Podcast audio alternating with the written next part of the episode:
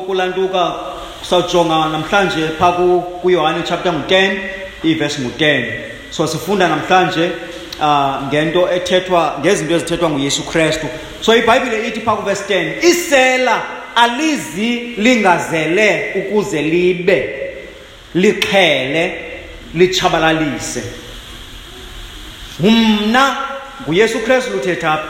Mna ndizele ukuze babe nobomi babe nabo ngokugqithisileyo. Masithandazeni ba usezulwini thixo olungileyo nalizwi lakho nkosi yam siyakucela sikubongoza ke nkosi yam uvule iindlebe zethu zenyama nezakwamoya ukuze silive ilizwi lakho. Nkosi yam ilizwi lakho malibe lilo elisenza siguqukele kuwe and uh, somandla sizibone ukuba ngokwenene sonile phambi kobuso bakho ngokwenene uh, unenjongo ephilileyo ngobomi bethu somandla. Thixo olungileyo siyakucela kumntu wonke ophulaphuleyo namhlanje. Sengathi ungalenza izwi lakho somandla lizinze kwaye thixo olungileyo libe uh, ngumcelimngeni entliziyweni yakhe somandla. Ibe yitshalenje entliziyweni yakhe nasengqondweni yakhe nasentliziyweni yam somandla. Qhubekeka ngosam uthethe ngalo njengoba busowuthethile uh, apho bekungekho bantu khona thixo siyakuthandaza egameni kayesu kristu umfeli wethu amen. So apha ezibasibona apha uyesu kristu uh, ukunye nabafundi bakhe and uh, uyabaxelela ubanika imizekelo umzekelo ngakumbi womalusi olungileyo. So uyabachazela uh, in the middle of ilaluka umzekelo wakhe abaxelela wona malunga nomalusi olungileyo. Iyamdescriba kumalusi olungileyo uba ungumalusi onjani. Kodwa apho sizawugxila khona thina sizawugxila kwi-comparison ekufuneka siyenze. Uh, uyesu kristu phofu ayenzayo elizwini lakhe ngoba uthi isela ngamanye amazwi injongo yesela uh, elizelayo lizele ukuze lithini? Libe. Emveni koko lithini? Lixhele. Uh, masihambe nayo le vesi. Emveni koko lithini? Litshabalalise. So injongo yesela lize ngenjongo ezingalunganga ezingaphi? Ezintathu. So sometimes isela elisela lithethwa ngalo alosela eh, eliqhekeza ezindlini. Kodwa kuthethwa ngesela elingusathana elizawuza lizoqhekeza kwizindlu zengqondo zethu kanye lizawuqhekeza kwiintliziyo zethu. Lizokwenza ntoni? Lizokuba ntoni? Lizokuba izinto ezilungileyo ubuzinikiwe okanye wazixelelwa lilizwi likathixo. And injongo yalo elisela lingusathana lizokuxhela ukuthini ukuxhela ukuxhela kukulantuka kukuzokunqumla intamo so that ungaphili ungabi ungabi na progress kanye ungabi nazinto ziphuhlayo because umuntu ofileyo akashukumi akafunctioni. So isela elingusathana uzothini? Uzocima uh, ukufunctiona kwakho ufunctionela ubani? Uthixo. So uthi apha xa ithetha uyesu kristu uh, uh, esilumkisa uthi isela li, lize, lizele ukuze libe lixhele. And then zinintsi izinto usathana azithathileyo waziba singakhange sibe aware of.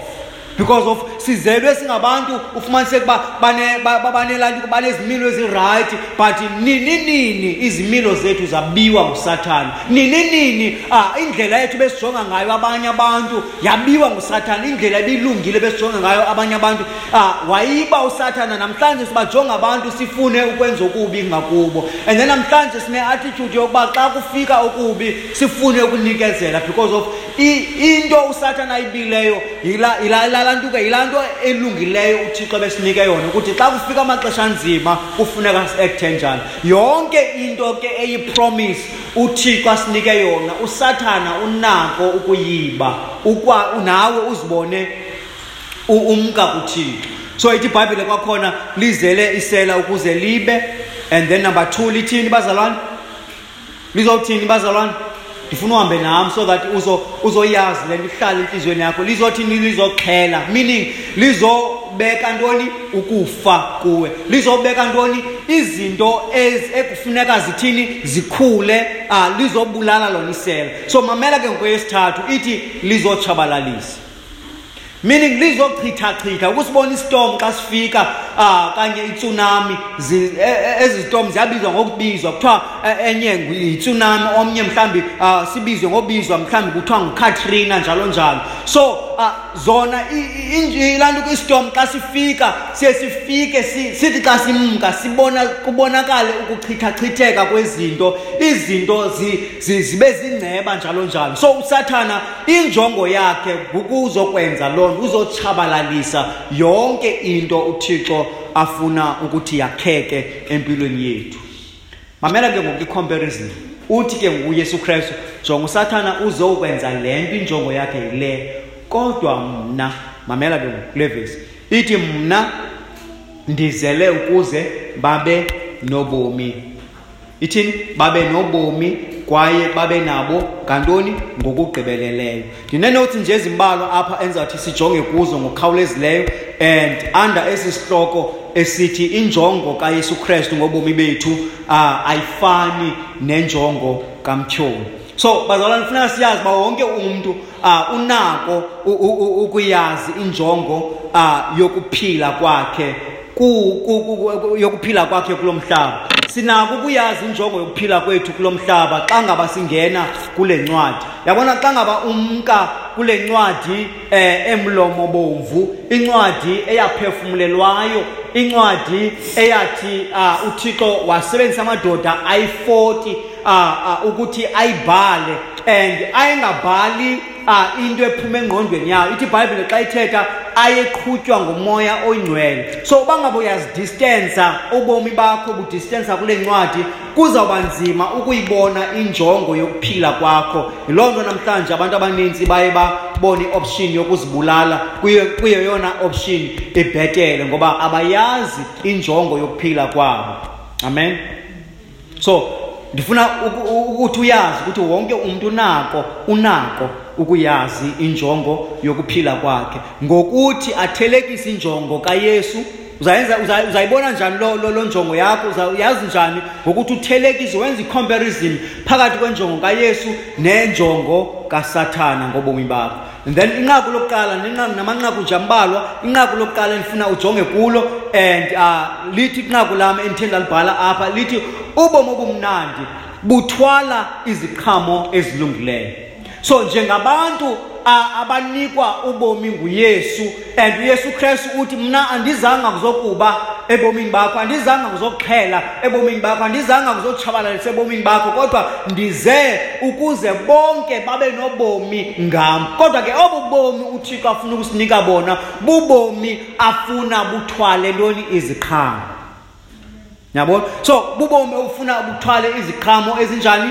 Ezilungileyo. So i- uthixo ufuna sithwale iziqhamo ezilungileyo bazalwane ngoba ubomi obungenayesu bubomi obufileyo and umthi ofileyo o- o- okhathwe ingcambu awunako ukuthi ukhule uh, iziqhamo. So uthixo uh, uyesu kristu xa sikuye siye sikwazi ukuthwala iziqhamo. Jonga ngokukhawuleza phaa kumaroma chapter ngu-1 ivesi ngu-13 kumaroma chapter 1 verse 13 uh, under le point yokuqala esathi sijonge kuyo uh, kumaroma chapter ngu-1 ivesi ngu-13 uh, inqaku lam lokuqala apha lithi uh, ubomi ukristu afuna usinika bona bubomi obuzawuthi buthwale iziqhamo.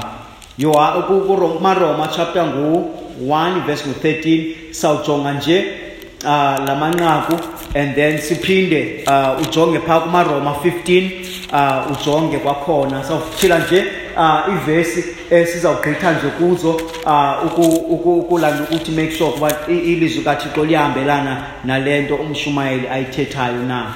So kuchapter 1 ivesi ngu-13 ibhayibhile ithi phaya andithandi ke ukuba ningazi bazalwane ukuba kufuthi kufuthi uh, ndi- ndizimi ku- kufuthi ndizimisele enhliziyweni yam ukuza kuni.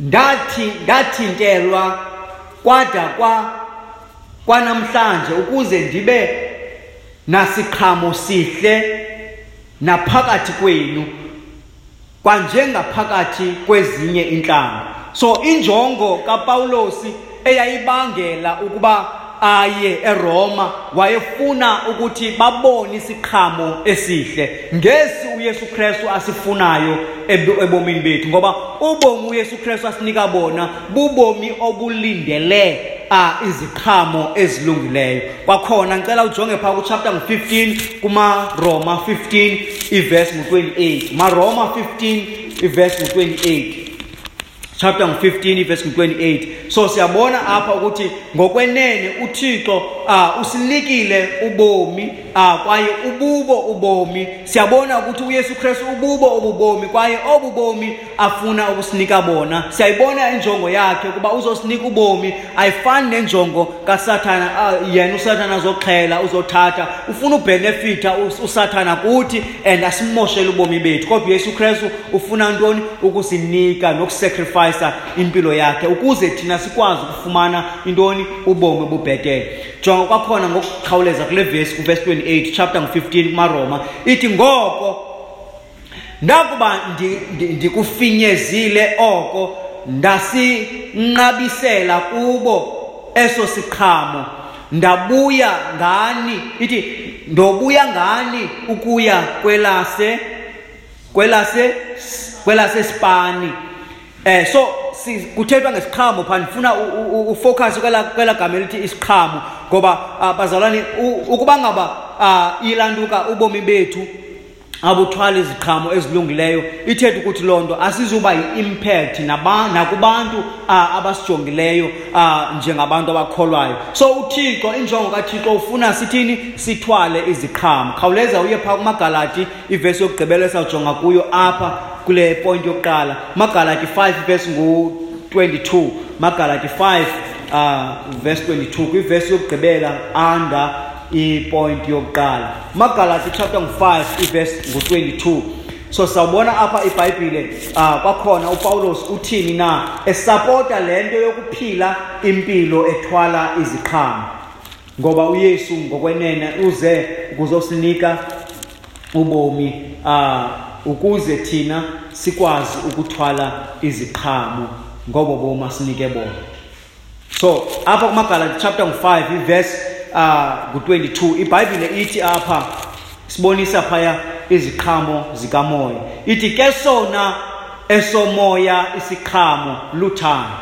So uthixo ufuna uyesu kristu usinike ububomi uh, uze kusinika ubomi ukuze sithwale uh, iziqhamo. And then ngesiphi eziziqhamo kukhona iziqhamo zikamoya and isiqhamo sikamoya luthando. Ithi ibhayibhile kwapha uvesi 22 luthando uvuyo uxolo ukuzeka kade umsindo ububele ukulunga and then intembeko ubulali ukuzeyisa. So uba ngaba ufumene i-opposite yezinto okanye awuzenzi ezinto funeka uyazi ukuthi kukhona isela eli-in charge empilweni yakho. Ngoba uba ngaba ezi ziqhamo azikho ubomi obunikiweyo nguthixo akukho siqhamo. Ufuneka uyazi uba kukhona utshabalalo oluqhubekayo ngaphakathi kwakho mhlawumbi ongakho awe ngalo. Khumbula usathane uzokwenza ntoni? Uzokuba uzotshabalalisa uzoxhela amen? So kwakhona ndifuna nje phambi kuba siye kwiponti yesibini ndifuna siyazi ukuthi bazalwane sinoxanduva lokuthi sithwale iziqhamo ezilungileyo ukuze kube mnandi ebomini bethu. Into ezakwenza kube mnandi ebomini bethu sesingamakrestu izakwenza kube mnandi ebomini bethu kukuthi sifunde uh, ukuthwala iziqhamo. Ngeziphi ezi ziqhamo? Uthando. Thwala uthando. Abantu mabakwazi ukuthi ungumntu onothando ngenxa yokuba nawe wathandwa. Thwala uxolo thwala uvuyo thwala ukuzeka kade umsindo thwala ububele thwala uh, uh, ukulunga intembeko ubulali ukuzeyisa meaning self control ngolo hlobo uyawube ufuze bani? Ukrestu omlandelayo. Amen. So masikhawulezeni ke siye kwinqaku lam lesibini inqaku lam lesibini lithi ubomi obuthwala iziqhamo kumele buhlale kuyesu. So number one uthwala iziqhamo iziqhamo and then waba uzithwela iziqhamo ukuze ube nobomi obubhalanced ngoku uthwela iziqhamo kufuneka uthini uhlale kuyesu. So masikhawulezeni siye kuchapter ngu-15 kuyohani chapter ngu-15 uh, iponti yami yesibini ithi ubomi obuthwala iziqhamo bume kumele buhlale kuYesu. Because bangaba ucimba ucimba uzawuthwala iziqhamo and then uzimele ngokunokwakho ube independent. Uh, unga ungabi naluncedo likathixo ungabi ungahlali kuthixo. Kufuneka uyazi uba ezo ziqhamo ziyakwazi ukuthi uh, uthi xa uzithasta zibe krakra because of usathane uyakwazi ukuthi xa efika afike enze izinto upside down. Usacinga uba wena uthwele iziqhamo. Ngenxa yokuba ungekho kukrestu ziyakwazi ukuthi uh, kube yihisi ukuthi ndandingu. Ndandidla ngo because of awusathwalanga ziqhamo heyi ndandidla ngobathanda abantu. Andiyazi uba kwenzeka ntoni because of zange uthini zange uhlale kuyesu. So ithi ibhayibhile phaa kuchapter ngu-15 kuyohane khawuleza uye phaa. Yohane chapter ngu-15 ibhayibhile ke ilindele ukuba siphile ubomi esibunikwa nguyesu kristu. Kobo bomi esibuphilayo sithwale iziqhamo. Kwezo ziqhamo sizithwalayo sihlale kuyesu. Amen. So apha kuvesi uh, 5 jonga phaa kuvesi 4 masicale phaa kuvesi 4 uvesi 4 novesi 5 ithi ibhayibhile phaa kuchapter 15 verse 4 and verse 5 kuyohane ithi hlalani kum mna ndihlale kuni. Yabona kuvesi 4 ibhayibhile apha isixelela uba kumele sivumele uyesu ahlale ebomini bethu. Ithini ibhayibhile? Hlalani kum nam ndihlale phi ndihlale phi? Kuni. So uba ngaba sizawubhosta ngento yokuba hayi ndinazo iziqhamo mfundisi ndiyabathanda abantu njalo njalo njalo njalo. But umbuzo always remains ingabe uhlala uhleli kuyesu kristu and then ingabe uyesu kristu uhleli kuwe? Because uba ngaba ayikho loo nto kuzawubonakala ithi ibhayibhile kwenye indawo sizababona abashumayeli bobuxoki ngeziqhamo nangezenzo zabo. So isiqhamo sizawuexposa into yiyo in the private. In your private life isiqhamo okanye ii-outcomes zempilo yakho ukuze zilunge kufuneka ube kuyesu ngoba uyesu kristu uyisosi yokulunga kwakho. Ukuze uprodyuse nento oyithethayo ilunge nesiqhamo isiqhamo ke yinto e, ephuma emthini ephuma emthini and then eh oye uyienjoye but ngela xesha umthi ubusemncinci ubungaboni ukuthi kawuze kuthi gqi isiqhamo apha. Because ipesika laziwa ngantoni? Ngesiqhamo sayo not ngegqala akunjalo? Ukuze ulazi uba iorange li-orange kufuneka uexperience ubumnandi be-orange. Akunjalo. Ude uthi hayi li-orange because of limuncu so abantu ukuze bakwazi ukuexperiensa okulungileyo kuwe kumele wena uzixokomezele kubani? Kukrestu ongumdiliya. Anamba ndiyavakala nabazalwane kodwa uh, sifundiswa lizwi kathixo. And then jonga phaa kuvesi 5 kwalapha kuchapter 15 ithi ibhayibhile xa ithetha kuvesi 5 verse 5 ithi phaya kuchapter 15 verse 5 ithi phaa uh, because phaa kuvesi 4 ithe hlalani kum mna ndihlale kuni njengokuba isebe lingenako ukuthwala isiqhamo ngokwalo lingahlalanga emdiliyeni ngokuba aninako ithi aninako ithi aninako nina aninako nina ningahlalanga kum. So uyesu kristu uyibeka clear le nto ukuthi uba ngaba sicinga uba thina sizawukwazi ukuzimela sizithwalele iziqhamo zikathixo iziqhamo zethu ezawukholisa uthixo sizimele singahlalanga kuye masivele nje sichitha amanzi ibalulekile inkukhu. Masivele nje sichithe igame sityiwe siluzile because of apho kungekho yesu amandla esiqhamo amandla okuveza isiqhamo esilungileyo akabikho because the source yokunika amandla esiqhameni kuba isiqhamo sivele njengesiqhamo kufuneka kube khona uyesu lo mntu axokomezelwe kuye. Halleluya so i don't know ukuthi uhleli kubani wena but into ebalulekileyo into yokuba ithi ibhayibhile kufuneka sihlale kuyesu kristu. Jonga ke ngokuvesi 5 ithi ibhayibhile phaa kuvesi 5 umdiliya ndim now uyazi-introdusa ke ngokuba mna ndingumdiliya intoni imdiliya? Sistem. Yabona umthi? Umthi unestem and then ube namasebe so uthi uyesu kristu ndingumdiliya meaning ndisistem yile ndiyile nto wenza uba umthi ube namandla ume. So ube firm umthi noba kufika imimoya ume kodwa umthi. So uthi uyesu kristu umdiliya ndim. Mamela ke nguvesi 5 nina ningamasebe. So amaxesha amaninzi siye sicinga uba thina just because of sin we know everything. Just because of we have accomplished into ezininzi sicinga uba hayi andiseve sendilisebe ngoku sendingumdiliya ndisimele akunjalo. Umntu okumeleyo umntu ofuneka utsale amandla kuye nguyesu ngoba ungumdiliya. Isebe alikwazi ukuthi lilakugawulwa likwazi ukuziphilela ngokunokwabo. Liyabuna libole lishwabane kuphele. Emveni koko siliqokelele solilahla phi? Emlilweni. Akunjalo? So uthi uyesu kristu xa ithetha ah umdiliya ndim nina ningamasebe lowo uhleli kum ndibe mna ndihleli kuye yena uthwala ntoni? Isiqhamo esininzi. So how do we know ukuthi sihleli kuyesu kristu? Ngokuthi sijonge iziqhamo zethu. Uba ngabe iziqhamo zethu siyazithwala zininzi ithetha ukuthi loo nto sihleli kuyesu. Uba ngaba akho siqhamo at all ithetha ukuthi loo nto asikho asihlalanga kuyesu kristu. Yabazalwane ilizwi likathixo lisixelela ukuba masihlale kuyesu. Ngokuba ngaphandle kokuhlala kuyesu kristu asinako ukuthwala isiqhamo ukristu afuna sisithwala. As ibhayibhile sitsho ukuthi apha yena uthwala isiqhamo esininzi ngokuba ninge kum aninakwenza nto and there is only there is nothing onokwazi ukuthi uyiaccomplishhe on your own without intoni? Ukuziqokomezela kuyesu kristu. Yes une-intellectual right uclever and uqonda uba ye yonke into oyithethayo njalo njalo ye awuclever liciko njalo njalo. But bangabe ubomi bakho abuxokomezelwanga kwistem kanye kwilantuka kumdiliya onguyesu kristu funeka uvele uyazi uba very soon uzawubona very soon uzawuphaphatheka ngumoya very soon uzawushwabana whatever oyiqalileyo uzawushwabana kube ngathi zange yabakho. Kudinge ukuthi ukuze into zethu zihlale ngonaphakade sihlale kuyesu. So uthi uh, uh, iponti yami yesibini leyo bazalwane ethi ubomi bethu uh, okufuneka buthwale uthi ubomi obuthwala iziqhamo kumele kuhlale kuyesu kristu. Amen.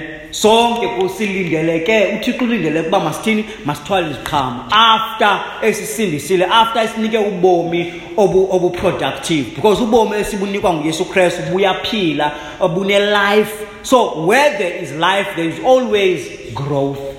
Apho kungekho lukhulo funeka uyazi uba kukhona i-disconnection ekhoyo. Because of iplanti ungayityala phaya uba kwagalela amanzi uba kwathini uba kwayibeka elangeni njalo nokuqonda uba heyi mani le planti okokoko yayinje ayikhuli akho nto igreen akho okokoko ndiwufakile lo mbona ngaphantsi komhlaba but akho nto ivelayo.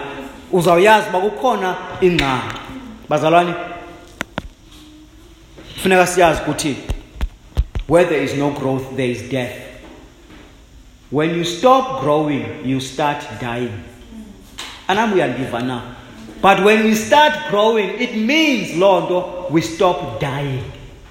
Because of injongo kasathane kuzothini? Kuzobulala. So when you ukhetha icala likathixo uh, it means xa umrejecta usathana kunye uh, uh, nee-tactics zakhe nobuxoki bakhe uyawufumanisa ukuba xa sisondela kuthixo sidedicate impilo yethu uba uthixo makayisebenzise kwaye um simvumela ukuba asinike amandla okuthwala iziqhamo. Sizawuqala ukukhula and then abantu abazobona thina kodwa bazabona isandla sikathixo empilweni yethu. Batsho ukuthi a-a there, there has to be god who is alive on this man. Amen? Ponto yam yesithathu before siye kuyo ndifuna nje ukuthi amandla okuthwala iziqhamo bazalwane ezilungileyo siza kuwafumana xa sihlala kuyesu kristu nakwimiyalelo yakhe. Ponto yam yesithathu ithi ubomi obukhetha uh, ukuhlala kuyesu kumele kuthobele ilizwi likathixo. Mamele okokuqala kuthiwa ubomi uh ekufuneka sibuphile bubomi obunjani? Bubomi besithe kunumber 1 bubomi okufuneka buthwala iziqhamo ezilungileyo. And then ubomi obuzawuthwala iziqhamo ezilungileyo kufuneka kube bubomi obuzawuhlala kuyesu so that buzoqhubekeka le production yokuthwala iziqhamo. And then ubomi obuzawuthwala iziqhamo ezilungileyo bubomi okuzawufuneka okuzakufuneka kuthini? Kuthobele ilizwi lalo mntu uhleli kuye ngubani lo sihleli kuye ngumdiliya ngubani umdiliya nguyesu. Uba ngabe isebe xa lilantuka lixelelwa ah ngumdiliya ukuba malenze ntoni na maliphume ngapha xa likhula maliphume ngapha idirection yalo alifuni lona. It means ithi ibhayibhile kwenye indawo uh, it, it is being cut off. Uyalibona? Akhona amasebe ufumaniseka ukuba akhona emthini but libolile lona lodwa. Amanye amasebe atheni agreen but lona libolile kodwa lisesemdiliyeni bazalwane ubomi okwesithathu ubomi obuzawuthi ubomi obukhetha meaning ubomi bethu obuzawuthi bukhethe ukuhlala kuyesu krestu kumele kuthobele ilizwi likathixo. Uba ngaba sawukhetha ukuhlala kuyesu krestu njengomdiliya kufuneka sichuze ukuthobela ilizwi lakhe. Khawuleza uye phaa kwincwadi kayohane wokuqala isahluko sesibini. Yohane wokuqala isahluko sesibini. Yohane wokuqala isahluko sesibini. Apha ebhek iba ngulantuka iba nguyakobi ibe ngupetros and then phaa kwelaa xa emveni kopetros uh, no not emveni kopetros. Um kuyohane wokuqala apha ebhek kwebhayibhile yakho. Uyohane wokuqala.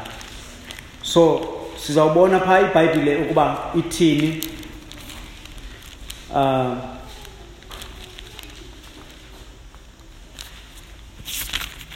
uba ngaba uyifumene ndizawucela nje wazise nje abanye ilantuka iphepha phezulu uh, kuyohane wokuqala.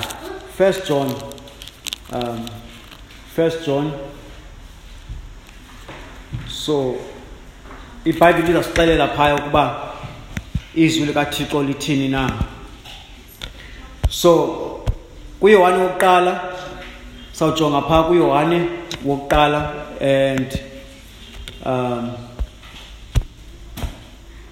because kaloku bazalwane uchapter ngu-two ivesi ngu-three yotsho ku-five. Ukuba ngaba sizawuhlala kuyesu krestu sijike singafuni uyithobela into ayithethayo it's, it is very useless ukuhlala kuye. Besisahlalela ntoni kwa, kwa the first place.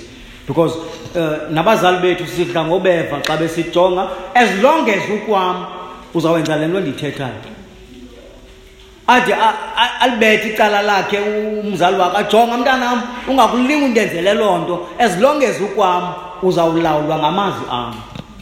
Because of siphantsi kophahla laa ntoni lendlu yakhe. So nakukrestu ke uba ngabasihleli kuye and asifuni ukuthobela amazwi akhe. Ithetha ukuthi loo nto we are just wasting time. We are wasting time. So jonga phaa kuyohane ngokukhawulezileyo.